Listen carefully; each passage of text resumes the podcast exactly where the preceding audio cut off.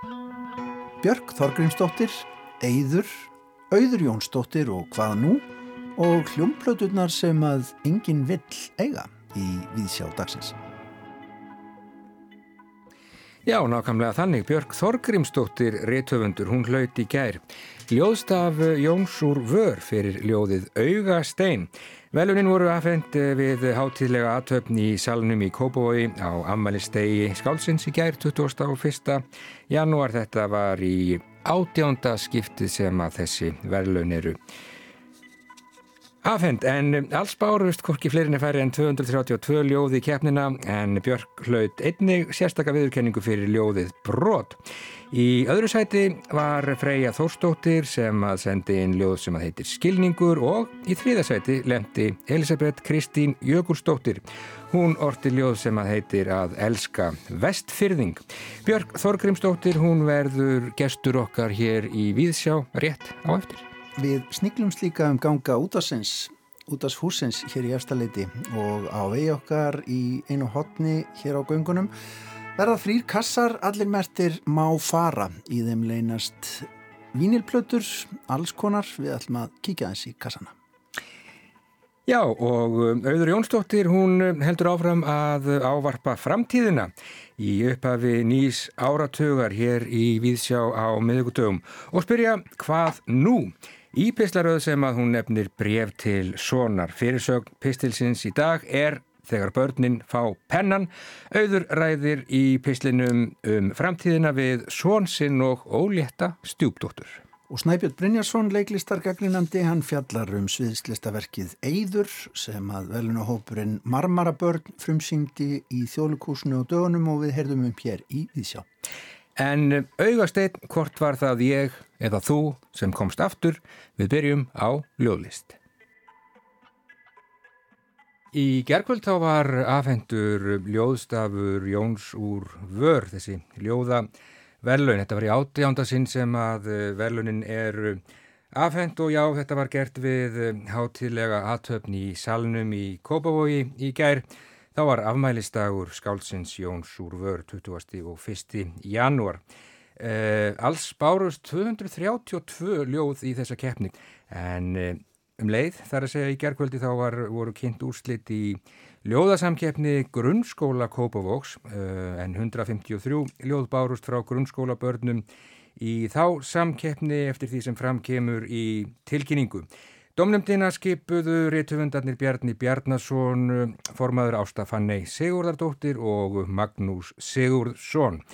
Það var Björg Þorgrimsdóttir sem að hlaut ljóðstaf Jóns úr vör að þessu sinni fyrir ljóð sem að heitir Augasteinn en Björg hún fekk reyndar líka sérstaka viðurkenningu fyrir annað ljóð brot en auk hennar fengu svo kallaða sérstaka viðurkenningu þau eh, Draumei Aradóttir, Haugur Þorgersson og Tómas Ævar Ólafsson. En eh, já, í öðru sæti í þessari keppni þá var uh, Freyja Þórstóttir sem að er höfundur ljóð sem að heitir Skilningur og í þriðasæti lendi Elisabeth Kristín Jökulstóttir sem að sendi einn ljóð sem að heitir að elska vestfyrðing en Björg Þorgrimstóttir hún fekk ljóðstafina þessu sinni og hún er Hinga komin hjartanlega til Hammingu Björk. Takk fyrir það. Takk. Glöð. Já, ótrúlega glöð og bara mikil heiður. Óvænt. Eða hvað? Já. Þú segur viss?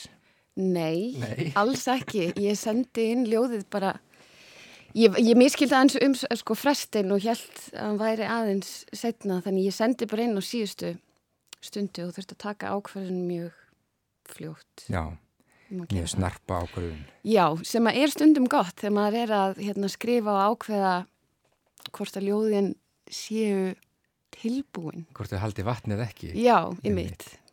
Sko, þú ert fætt árið 1984, þú hefur mm -hmm. lært eh, heimsbyggi og bókmæntafræði. Mm -hmm. Þú hefur áður sendt frá þér tvær bækur, Bananarsól 2013 og Neindarkend frá 2014. Bananarsól kom hjá tunglinu ekki satt. Akkurat. og svo uh, neindarkent hjá, hjá meðgöngu ljóðum. Mm -hmm, Þú hefur lengi verið yrkja?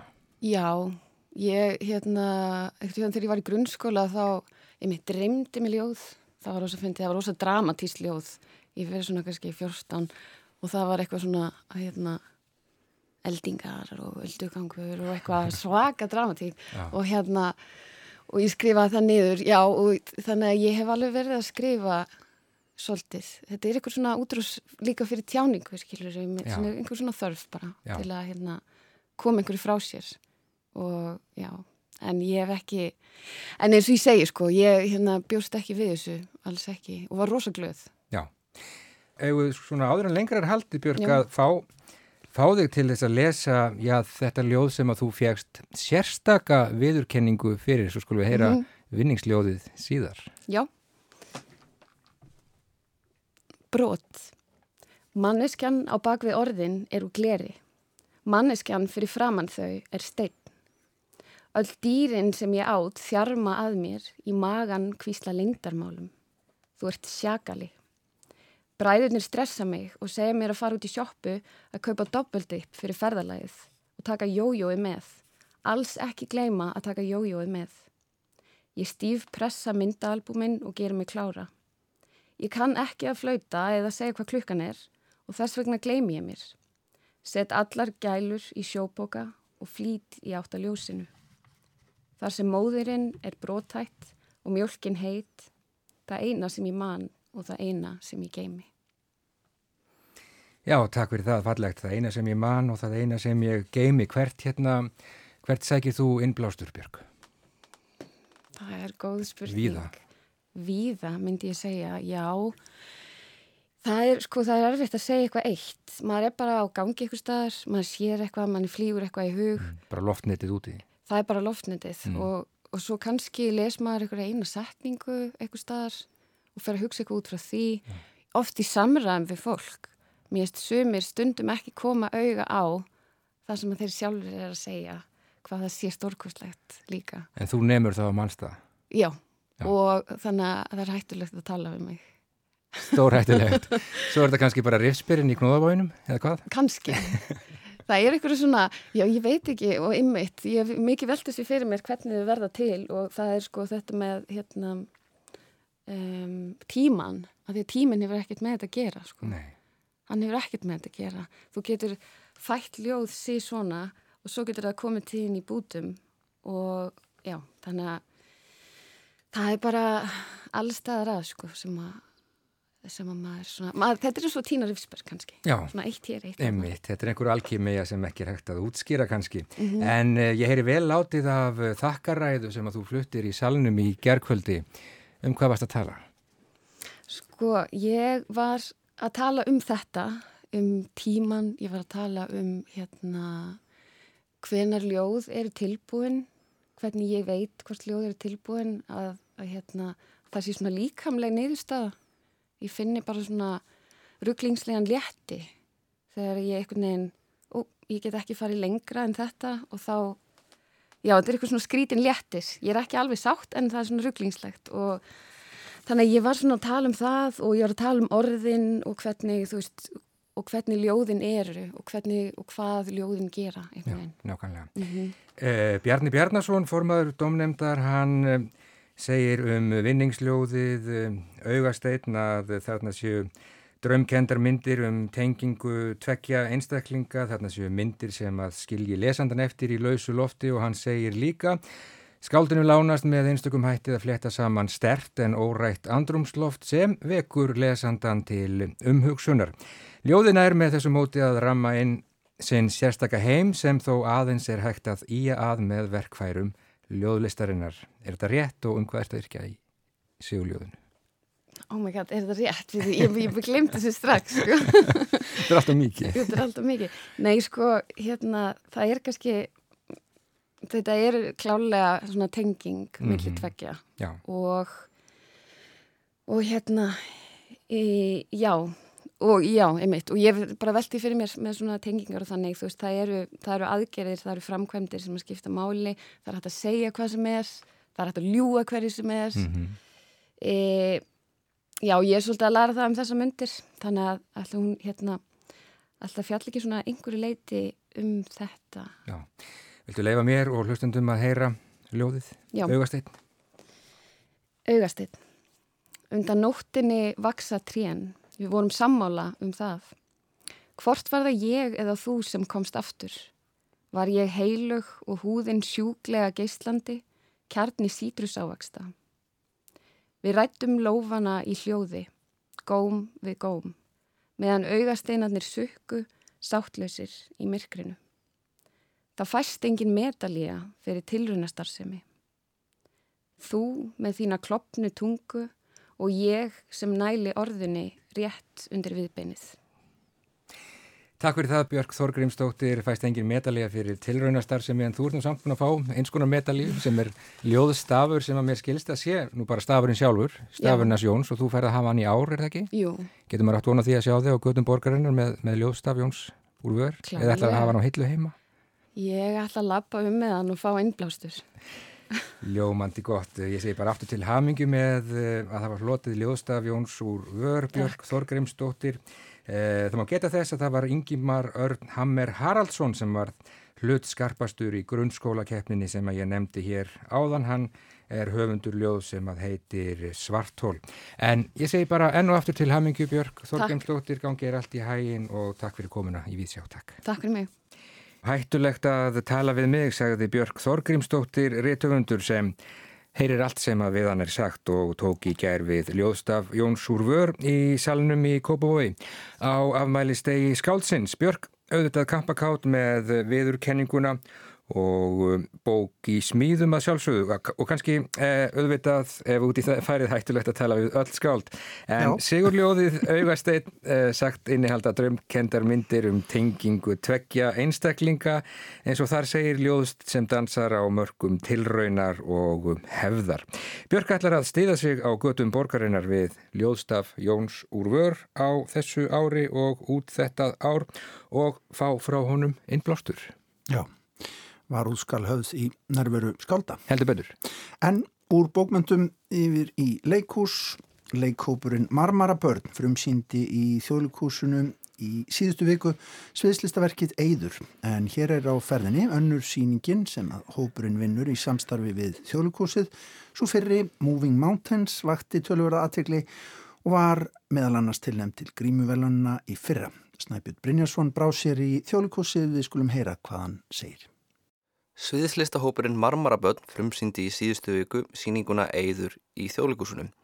En hópurinn samanstendur af Sögu Sigurðardóttur, Vétissi Kjartansdóttur, Kristni Guðmundsinni, Sigurði Arend og Katrínu Gunnarsdóttur. Þau flytja verksinn saman í nokkru sem ætti kalla performance eða kannski leikhúsdans. Í þessum pistli ætla ég að lefa mér að skilgreina síninguna sem postmodernist plastbarokk en það leikur hópurinn sér í íbyrða miklum plastbúningum með tónlist Georg Friedrich Handel, Sarabande, í bakgrunni. Kvikmynda áhuga menn kannastu lagið úr kvikmynd Stanley Kubricks, Barry Lyndon, en það var hugsanlega ekki það eina sem hópurinn sótti í smiðju leikstjórans. Tónlistin leikur stórt hlutverk í síningunni og ásand meðlumum hópsins setur Gunnar Karel Másson í skínandi kvítum jakkafötum mest allan tíman við piano. Sýningin hefst eins og svo margar í myrkri. Áhörendur greina útlínur af allskins plastrastli, reikveilar hamast við að dæla dölúð út í loftið og í fjaska stóra sviðsins skín viti. Strax í byrjun er tilfinningin svo að við séum út á rúmsjó og þegar flytjendunir koma á svið eru þau rennandi blöyt, eins og þeim hafi skólað á land eftir skips skada. Á plastúkum og tjöldum sjáum við við vídjó með allskins myndum og ofta tíðum rautt auga blikka. Og þar með erum við komið þrjú megin en kenni plastbaróksins, reikvélina, skjáarpan og ruslið. Þetta er komísk síning og fyrsti hláturinn í salunum hefst þegar tveir flytjendur kreista vatn úr blöytum fötum sínum í plastdunga í þeim tilgangi að drekka það. Nokkuð sem vekur bæði hlátur og klíu meðal áhörenda. Þetta er síning sem tekur sér tíma í að byggja upp og framkoma eins og maður átt að sé fljóta á. Flýtendur verðast vera að byggja nýtt samfélag upp úr öllu plastraslinum sem vantarlega hefur skólað upp á þessari sömur strönd. Þau skapa listaverk og byggingar og ný tæki með plastdúkum, dunkum, garðstólum, fiskinettum og skólhifum. Það mætti sjá í þessu einhverja sögu um eftir hamfara endurvinnslu heim, einhvers konar kargóköld sem verður til eftir heimsendi eða bara hóp sviðslistamanna að leika sér með aðteglisverðan efni við. Það væri einfalt og þægilegt að lesa pólitíska merkingu úr síningunni og tala um samband plastins og vassins, hvernig plastdagnir mynda í dag risavægsnar eigjar í Kirrahafinu og eitra fyrir lífrikinu í súrnandi sjó. Hafið er alltaf nálagt og það er sérstaklega undistrykað í mjög fallegri lokasennu þar sem stór plastdúkur á tómu sviði næra umbreytast í heilt glitrandi silfrað haf með sannfarandi öldur hljóði. En ég hafna slíkri lesningum einfallega að því hún væri svo leiðileg og myndi hunsa algjörlega allan húmórin í senum eins og þegar flýtendur standa í viðhefna búningum og spila mikado eða þegar þeir sitja á rassinum saman, borða pítsu og eiga innihaldslausar samræður þar sem enginn hlustar. Ef eitthvað er, þá er þetta síningum hvernig manneskjan skapa listaverk og leiki og týni sér í þeim eins og við druknum í okkar eigin oframleðslu. En það er plastheimurinn sem mann kynið er að skapa ekki dæmi um eðileggingamátt okkar heldur sköpunarkraft. Ef ég ætti að bera eður saman við annað verk eða listamann, þetta mér helst í hug danska sviðislistakonan Mette Ingvartsen og verk hannar Artificial Nature Project frá árinu 2014. Í því verki eru þrýr flytjandur að leika sér með heim sem er algjörlega búin til úr konfetti. Mismunandi lýsing fær konfetti í rikninguna til að glitra rauðurleit eða silfruð ymist ógnandi eða friðsæl og stundum eins og danskur skóur að hausti til sem flytjandur með löfblásara skapa myndir úr. Í slíkum verkum er efniviðurinn í sviðsmyndinni aðal skilabóðin og rétt eins og segja megi að Mette spyrja okkur í því verki hvaða eiginleikar fylgast í konfettiði og um leið hvers konar fyrirbæri það er, þá eru listamennir í eigðum að velta fyrir sér fljótandi eiginleikum plastins. Skilabóðin eru fólkin í miðlinum og miðlinn er plast. Það er ekki ofmarga síningar í íslensku leikúsi sem skapa á þennan máta og allt og fáir hópar á borðið marmaraböld. Eyður eru annað verk hópsins og mun betur samansatt heldur en Moving Mountains fyrsta verk þeirra en það má nefna að dramaturgin Igor Dobricic hefur eflaust haft talsert um uppbyggingu begja verka að segja og það er frískandi að fá sjónarhótt frá erlendum dramaturg í Íslandst sviðsverk. Stjarnasýningarinnar er þó Guðni Hrönd Sigurðardóttir sem vinnur þrekverki með þeim búningum sem hún næra hanna úr plasti á flytjandur. Hún á mikinn þátti að gera verkið að sjónarspili sem er þess verðt að sjá en það er eigður svo sannlega þó svo með grunni að hópurinn hafi í sér að gera jafnvel enn betur. Það var vísir að einhverju mögnuðu fannst mér í Moving Mountains en talsverðu byrjandabrægur sem myndast ekki endilega vegna reynsluleysis listamanna með miðlinn heldur vegna reynsluleysist þeirra með að vinna saman. Það sést á eigðum að hér hefur verið komið á góðu samstarfi með skýrið sín en ég hef trú á að þriðja verkið sem þeir geri verði verkið sem þeim hafi virkilega verið ætlað að setja saman. En hvað get ég að lókum sagt um síninguna, um vatnið og plastið, um þessar eigður? Það er ekki, kannski ekki annað en viðeigandi að vitna í söngkonuna úr dönsku Europop sveitinni Aqua, hanna Lene Nyström sem svo skemmtilega komst á orði í smellinum Barbie Girl. Life in Plastic, it's fantastic. Plastað líf, það er stórkoslegt The green plastic watering can For a fake Chinese rubber plant. And a fake plastic girl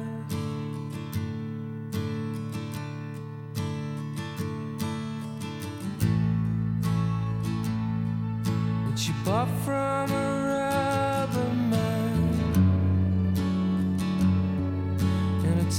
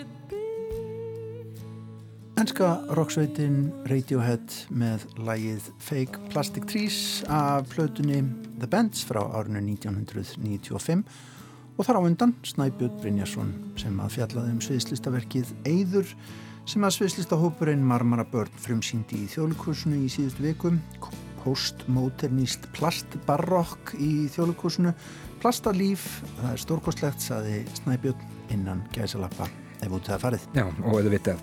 Þetta er síning sem að hefur fengið príðilega dóma og margir mjög hrifnir en eh, Auður Jónsdóttir, réttöfundur, hún hefur að undanförnu, undanfarnan miðugudag hér í Víðsjá ávarpað framtíðina í upphafi nýs áratugar sem er sáþriði á 20. og 1. öldinni í Pislaröðu sem hún nefnir bref til sonar. Fyrir viku þá talaði auður um íslenskuna og framtíð hennar en í dag þá er fyrirsögnin þegar börnin fá pennan. Já, hvað gerist þá? Auður ræðir í pislinum við svonsinn og um ólétta stjúpdóttur um framtíðina. Skulum hlusta.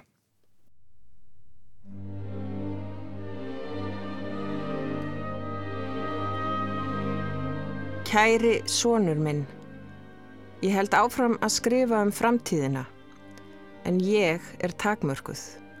Hugarheimur minn, aðeins minn og ekkert umfram það.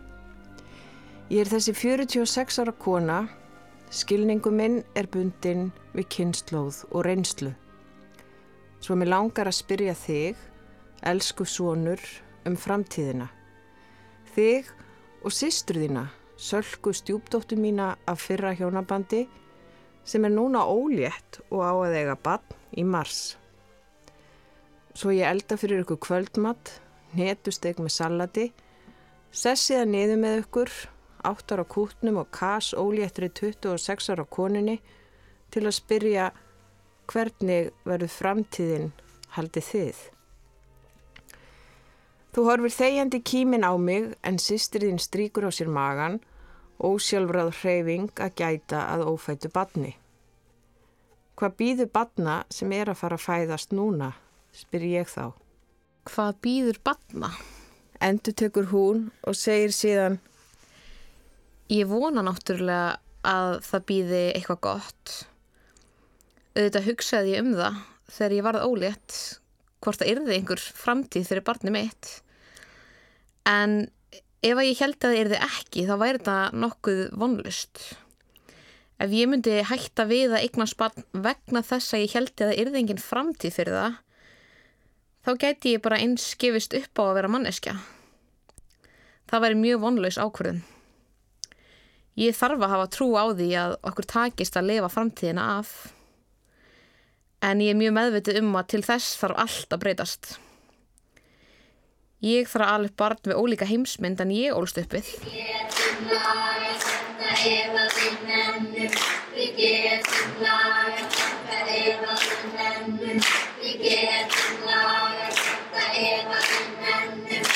Ég held að börnin sem við séum að alveg upp verði stöðut meðvitaðri og meðvitaðri. Það þarf að ala barni upp í að koma vel fram við náttúruna. Miklu betur en ég kom fram við hana. Það að verða móður betrungur.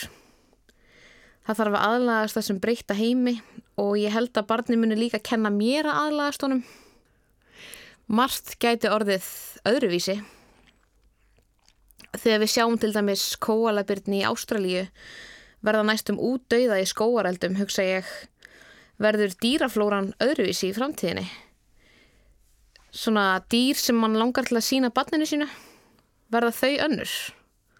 Verður barni kannski reitt út í mig fyrir að fæða það í heim sem er að brenna. Verði ég með eilíft samviskubit því lífskjör barnsins verða verri en mín því hlutar heimsins verða óbyggilegir. Vandamál sem ég tók sjálf þátt í að búa til. Verður þetta dystopískari heimur þar sem börn þurfa að leika úti með reygrímur? Ég er auðvitað bara fabúlera en, en þú veist. Hún þagnar og lítur á þig, són minn og litla bróðu sinn. Um leiðu við tökum að þið síman til að ná aðtekliðinni og spyrjum hvernig heldur þú að heimurinn verði í framtíðinni? Og þú segir Ég held að hann verði mikið öðruvísi. Ég held að hann verði verri en ég veit samt ekki hvernig. Ég veit samt ekki af hverju ég held það. Sistriðin grýpur orðið og spyr Hlustaðiru á einhverja fréttir eða heyrðir eitthvað sem færi til að halda heimurinn verði verri? Þú segir ekkert en ég veit um áhugaðinn á Donald Trump svo ég spyr heldur þetta út af fréttum af Donald Trump? Þú svarar Ég held ekki að sé út á Donald Trump því hann deyr öruglega eftir nokkur ár. En kannski stofnar hann til stríðis eftir fá ár, kannski. Ég held að það verði samt ekki búið að finna upp tímaðal. Ég held að ég eigi eftir að læra mjög mörg tungumál. Núna kann ég að þrjú. Á hverjum átta árum ætla ég að læra þrjú nýð tungumál, að minnstakast þrjú. Því nú er ég búin að læra þrjú á átta árum. Pappi kann fimm og hálft og ég ætla að læra fleiri en hann. En þú, mamma, kannt ekki eins mörg tungumál. Ég á eftir að verða betur en þú, mamma. Ég vil tala við fólki í heiminum. Það er gaman að tala tungumál. Ég vil bjarga okkur frá mengun og svo verður búið að finna upp fleiri skemmtiltæki. Sistriðin brosir eins og hún mun eftir því hvernig var að vera áttara. Síðan segir hún Ég held að allir krakkar séu kannski ekki eins og Greta Thunberg. Þau eru ekki öll að hugsa um hamfarir sem er líka gott. En ég held að verðum líka hægt að halda börninni eftir að bjarga öllu fyrir okkur. Því við erum ennþá með ábyrðina og völdin í samfélaginu. Þau eru ekki fara að retta þessu þó að sé falleg útópísk hugmynd. Að sjá fyrir sér börnin mótmæla og retta málunum. Það gerist ekki allavega án okkar stuðnings. Jú, Segir þú, sonu minn? Ætlað þú að laga hamfara hlínun? maybe. Segir þú að hans að líti upp úr símanum. Þú ert að horfa á myndband með einhverjum ennskum manni að horfa á hræðilegustu teiknumyndir áratugarins og fylgjast með viðbröðum hans við þeim. Hvaða maður er þetta, spyr ég. Hvernig fannst þetta? Ég bara fann næsta vídeo sem poppaði upp á YouTube og þá kom þessi maður. Ég signi mér í huganum og sýstirinn hristir höfuðið með uppgjöf. Síðan segir hún, Mín kynnslóð mun aldrei leifa bönnunum sínum að leika með snjálftíma. Það er bara svo að gefa þeim heroin. Næsta kynnslóð verður pottið að hippalegt amisfólk sem verður búið að minga neyslu sína á orku og dýraafrðum. Snjálftímar í hugum þeirra verða að vinni illa.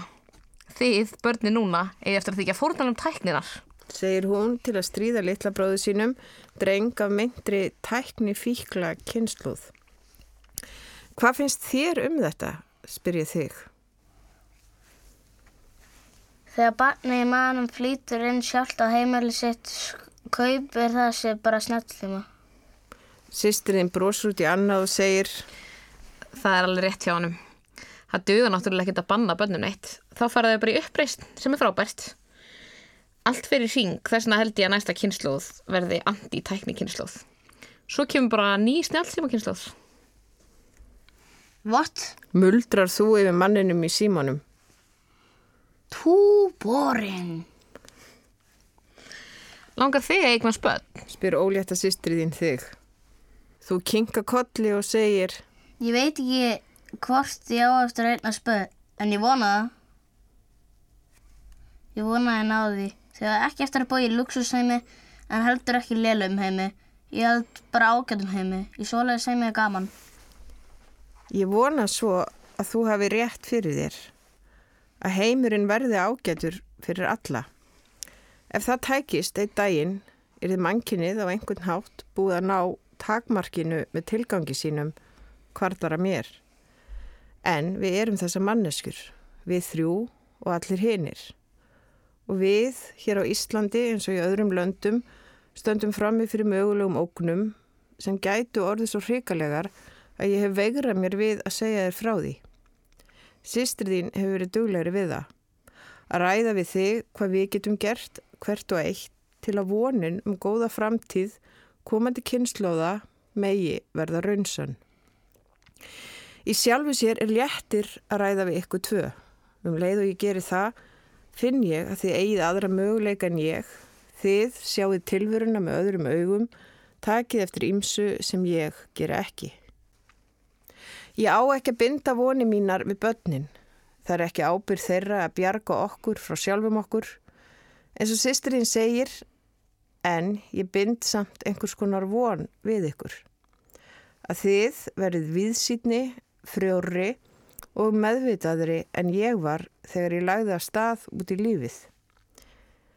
Framtíðin er ykkar og ég veit að þið eigið eftir að eiga möguleika sem eru huldir mér. Þessari konu sem átt ekki til hnetusteiki hugarheimi sínum bara fyrir tíu árum síðan en leggur hana nú að borð fyrir ykkur eins og saltkjötuð og bönirnar sem voru eldar heima hjá henni á þriðjudagskvöldum í veröld sem var. Þegar það bóðaði tíðindi ef heima sem minn ringdi á kvöldmattatíma þannig að hundurinn gelti og allir hægt að borða. Þegar heimsmyndin barst nokkuð greift í stein með morgumblaðinu á modnana og í gegnum útvarstækið. Rött þularins var svo róleg og yfirveguð að þannig varð heimurinn um leið. Engver virtistu vera með allt á hreinu, einhver staðar. Kanski var það hættuleg sjálfsblekking, ég veit það ekki. Veit bara heimurinn er annar í dag, þið önnur en ég var. Framtíðin eins og alltaf óskrifað blað. Það er ykkar að skrifana. Ég rétt ykkur pennan.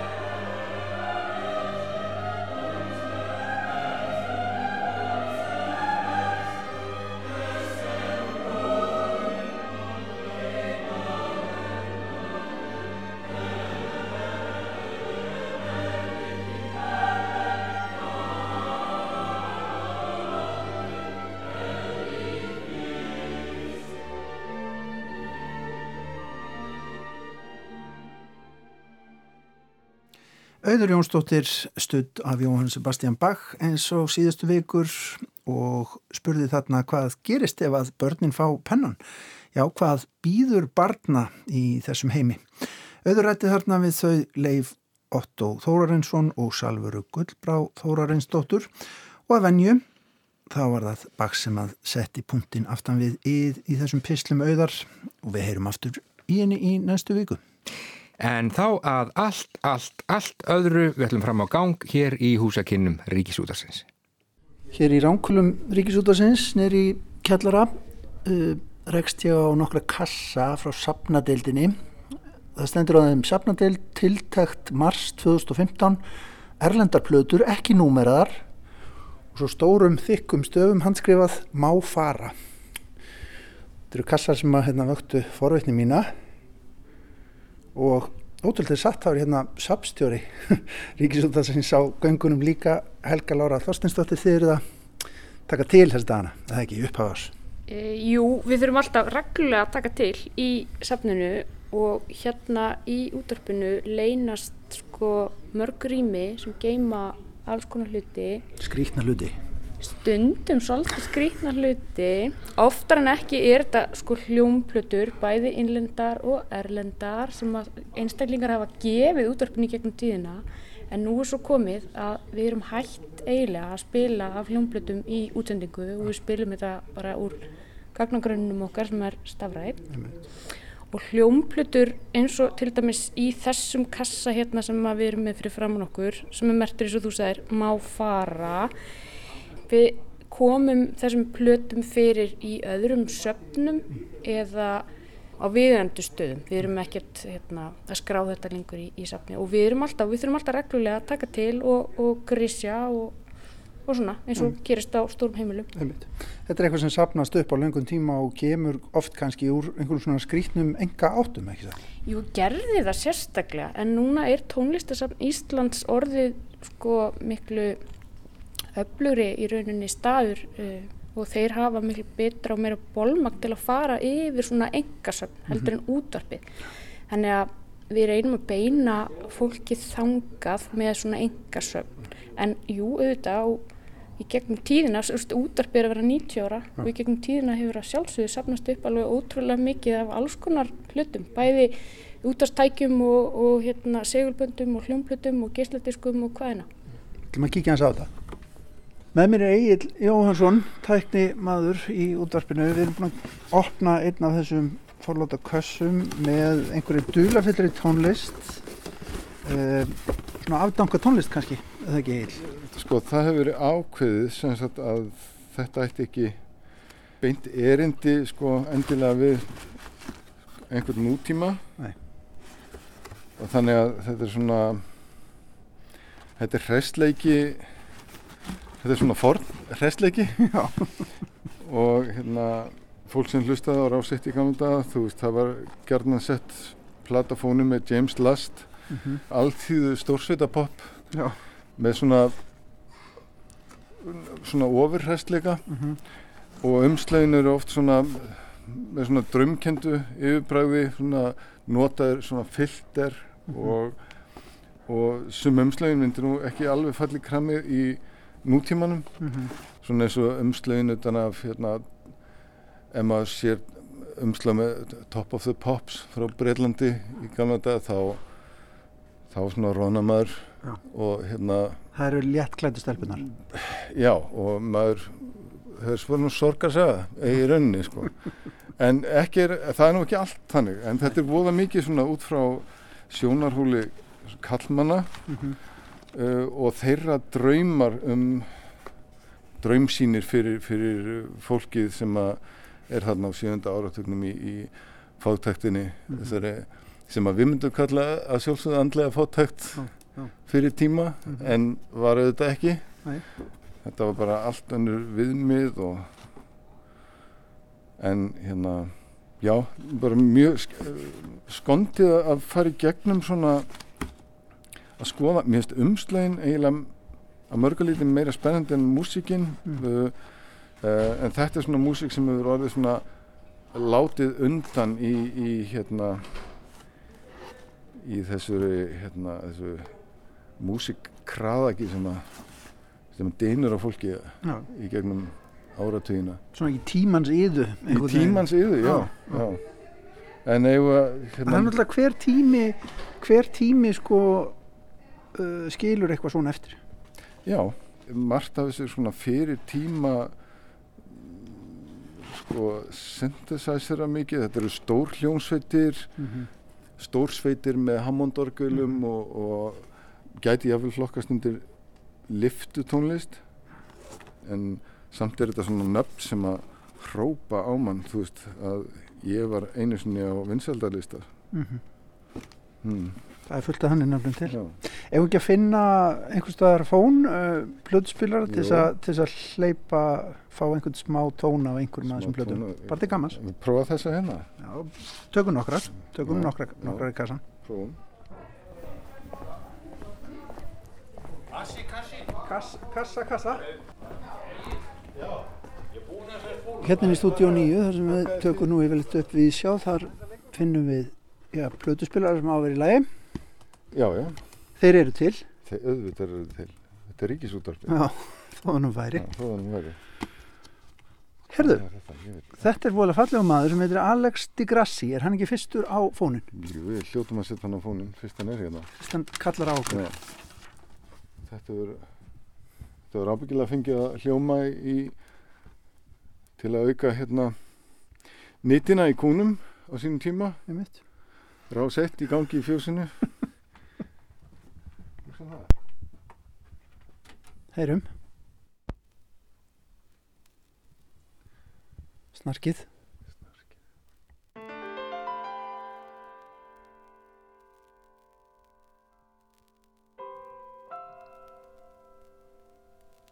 Hann byrjar hægt. Þetta er þetta næstu því Skrítin píanuljómur. Já, þetta, er, þetta er svona jazz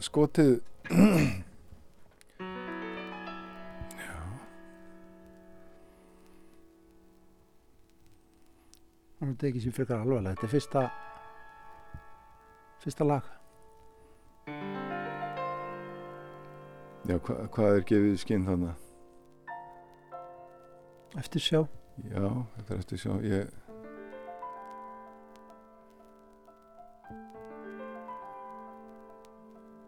Þetta er eins og koncertpianisti Er þetta ekki kannski Það gengur ekki alveg í lyftunni sko Nei.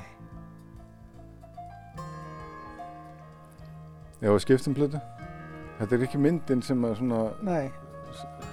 Sem vorum að leita af. sem vorum að leita af. Ég veit reyndar ekki alveg hverju við erum að leita af í þessum kossum. Nei. En við kannski Ég- finnum ég, eitthvað. Ég er að fá eitthvað svona meira afgerandi Já.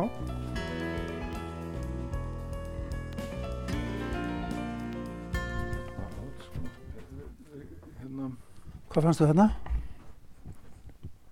Don Williams, hann er ábyggilega heimfrægur.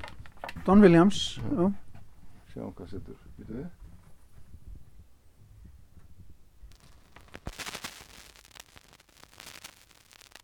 Það snarkar vel. Já, það er vínabröð þessari. silver coin that jingle jangle Hann bara strax. Hann tók hann strax af. Ertu ekki í country stöði í dag? Nei, ég, ég er ekki alveg, sko, random fyrir mér er alveg sérvalið, sko. Herri þessi var flottur. Bakka, bakka. Gítarleikarinn Trini Lopez Já, á, á PJ's hérna restaurantinum. og þetta við komið inn, sko, við tökum við frá, hérna, eða höfum gert í gernum tíðina, tekið við frá almenningi ótrúlegum fjölda og magni af hljómplötum allt frá þeirri tíð þegar fólk held að nú er í kassetan tengið við Mhm. og svo held fólk að að sétidiskurinn væri tekin við nú vitum við að hljómplatan er tengið við Aftur, já. og viljum ekkert annað sjá nei. þannig að þetta er svona þessi bylgja sem gengur af, af hérna, hljóðritunum sem að reyðjast um heiminn í, í einhverju svona einhverju tíndu nei þetta er svona, þetta sem ég var að tala um á hann þetta er sko.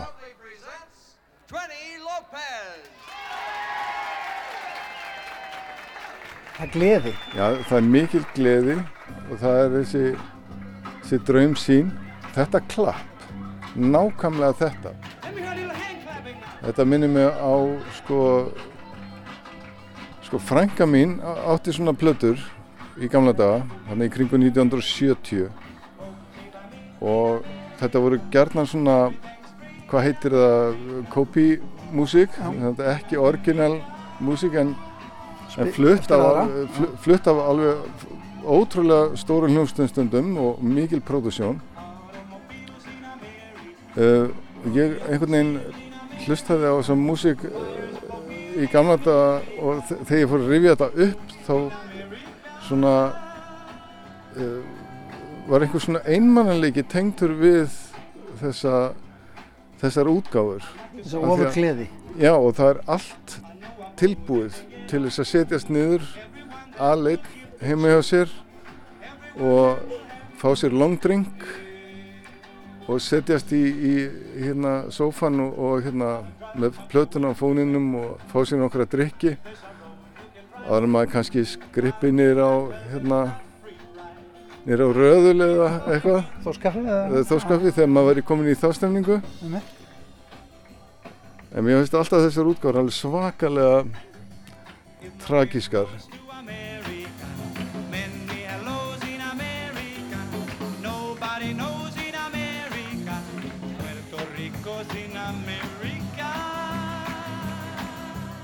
Já, ekki bara hvaðið þetta partí? Jú, ég held að þetta sé orðið ágætt sko. Annars fyrir við bara í rugglið sko. Má ég velja eina? Látum ekki dega hans í það Nei. Veist, heimurinn er svo stór þegar kemur að, að tónlist. Það, þetta, er, þetta er svo víðfemur akkur veist, og það vex allt á hann Ég finn hérna plötu sem heitir Batteries Not Included með hljómsdýrni After the Fire. Mér finnst þetta svo flottir hérna aftan á. Þetta er tískan í dag. En við skulum góða hvort að hljómurinn sé eitthvað já. í áttu ætti það Ég geti fallið fyrir þessu, Já. það, ég sé það alveg. Ég ætla að setja hlið tvö á svo að þetta koma okkur virkilega óvart. Mhm. Já,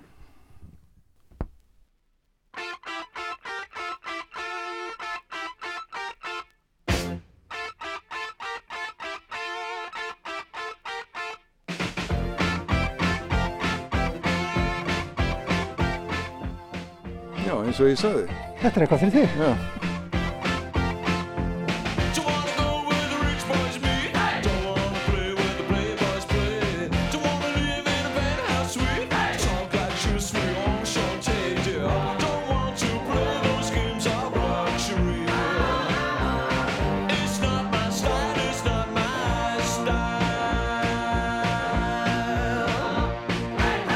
Já, já, herðu, takk fyrir. Næsta Hér er nú allt í einu allt, allt annað. Uh, Það virðist vera jóla lestur á ljóðum eftir Dylan Thomas, Edgar Allan Poe Lord Byron Keats og fleiri. T.S. Eliot. Það er ekki ónýtt, Nei. því á fónin Þetta geti líka virkað vel í, í einmannleikanum Já Through throats where many rivers meet, the curlews cry. Under the conceiving moon on the high chalk hill.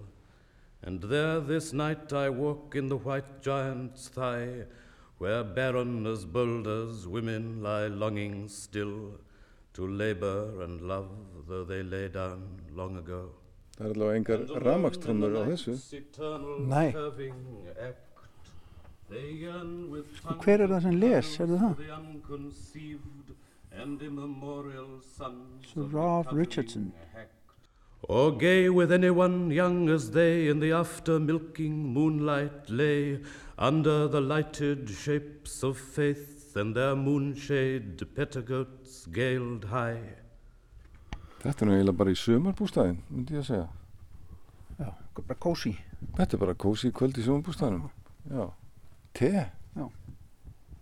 Hér, hér er nú maður sem að Já, þetta ætti nú allir að kannast við sem eru eldri en tvítagur að þessi maður hefur nú, var nú heimilisvinur á Íslandi og bæði í eldhúsum og, og fjósum landsmanna Mhm. í gennum tíðina og í traktorum og vöruflutningabílum.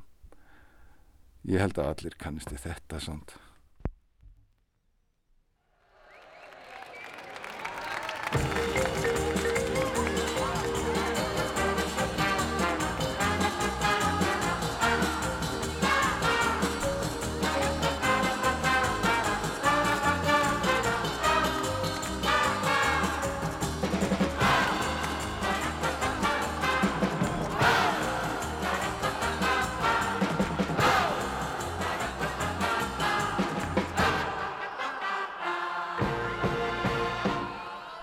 það sem er svo merkilegt hérna er að þú þarft ekki einu svona að þekkja lagið. Þú ert bara, þér er bara bóðið inn í partíið og þú þarft ekki að vera spariklættur að þú ert bara að gera það sem þú gerir dagstæðilega og svo bara allt í einu byrjar hérna, James Last að hljóma í útarpið og, og hérna og fólk trallaði með hérna í hagkópsloppunum alveg hægri vinstri menn og konur Takk fyrir að krasa í þessum kössum með mér. Þetta var gaman. Takk.